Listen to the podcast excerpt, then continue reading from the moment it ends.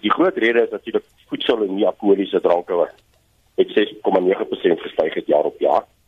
Want dit het 'n bydrae van 1,2% tot die 5,4%.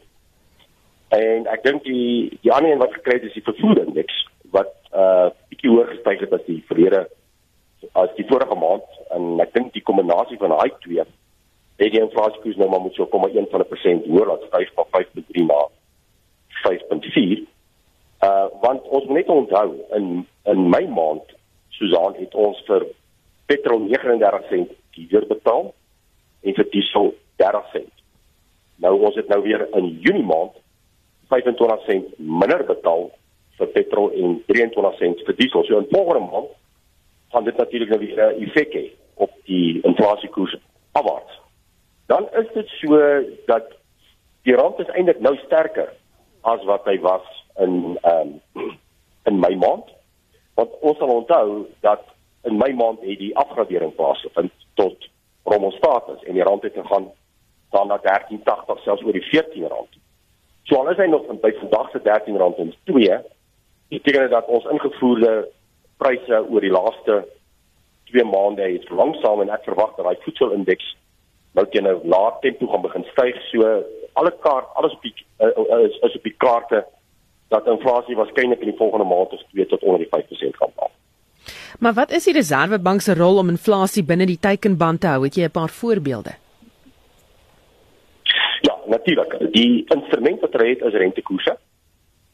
Uh en 'n mens sou streng gesproke gedink het dat rentekoerse behoort nou al verlaag te word.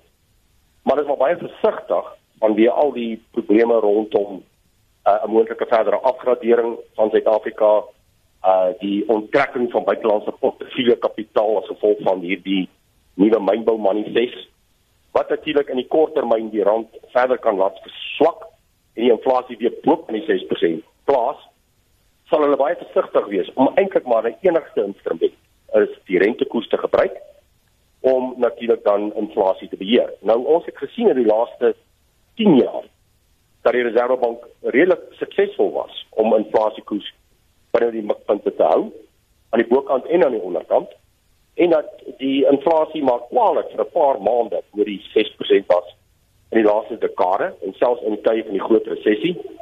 So so die Reservebank se monetêre beleid word beskou as een van die beleidsmaatreëls uh wat van die beste werk in die internasionale gemeenskap en daarom is dit 'n kware dag as die Reservebank se mandaat gaan verander dat hy nie meer die uh inflasiekoers in beheer moet bly nie, want dan gaan ons doeteenvoudig al ons kredietwaardigheid verloor.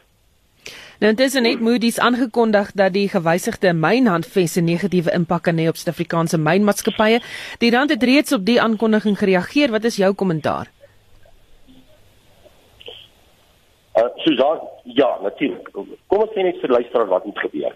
Hier gaan 'n hoër swart aandelehouding plaasvind en hulle sê dit gaan negatief wees vir kredietgradering want onthou hierdie hierdie aandele moet nou uh, word nie gekoop nie. Hierdie aandele moet uitgegee word uh, aan aan nuwe aandeelhouers. En om dit te doen met die maatskappye of kontant wat hulle het of hulle moet skuld aangee uh, aangaan om daai aandele verder te verdeel so hulle vervater die aandele. En dan jou ander aandeelhouers wat baie natuurlik buitelandse aandeelhouers is. Hulle gaan hierdie Hulle gaan 'n verwatering in hulle aandelepryse ondervind en dit is presies hoe Moody's dit sien. En dit beteken hulle gaan hulle geld onttrek, hulle aandele verkoop. Dit kan aanleiding gee dat die wisselkoers verder verswak en dit kan ons uh, buitelandse skuld onder verdere druk plaas en kan lei tot 'n verdere afgradering tot 'n laer vlak van van rommelstatus. Ek dink dit is uh die ehm um, dit is die patroon van denke deur die akkrediteringsagentskap. Baie dankie. Dit was Dr. Chris Harm se ekonom by Rebalance Fonds bestuurders.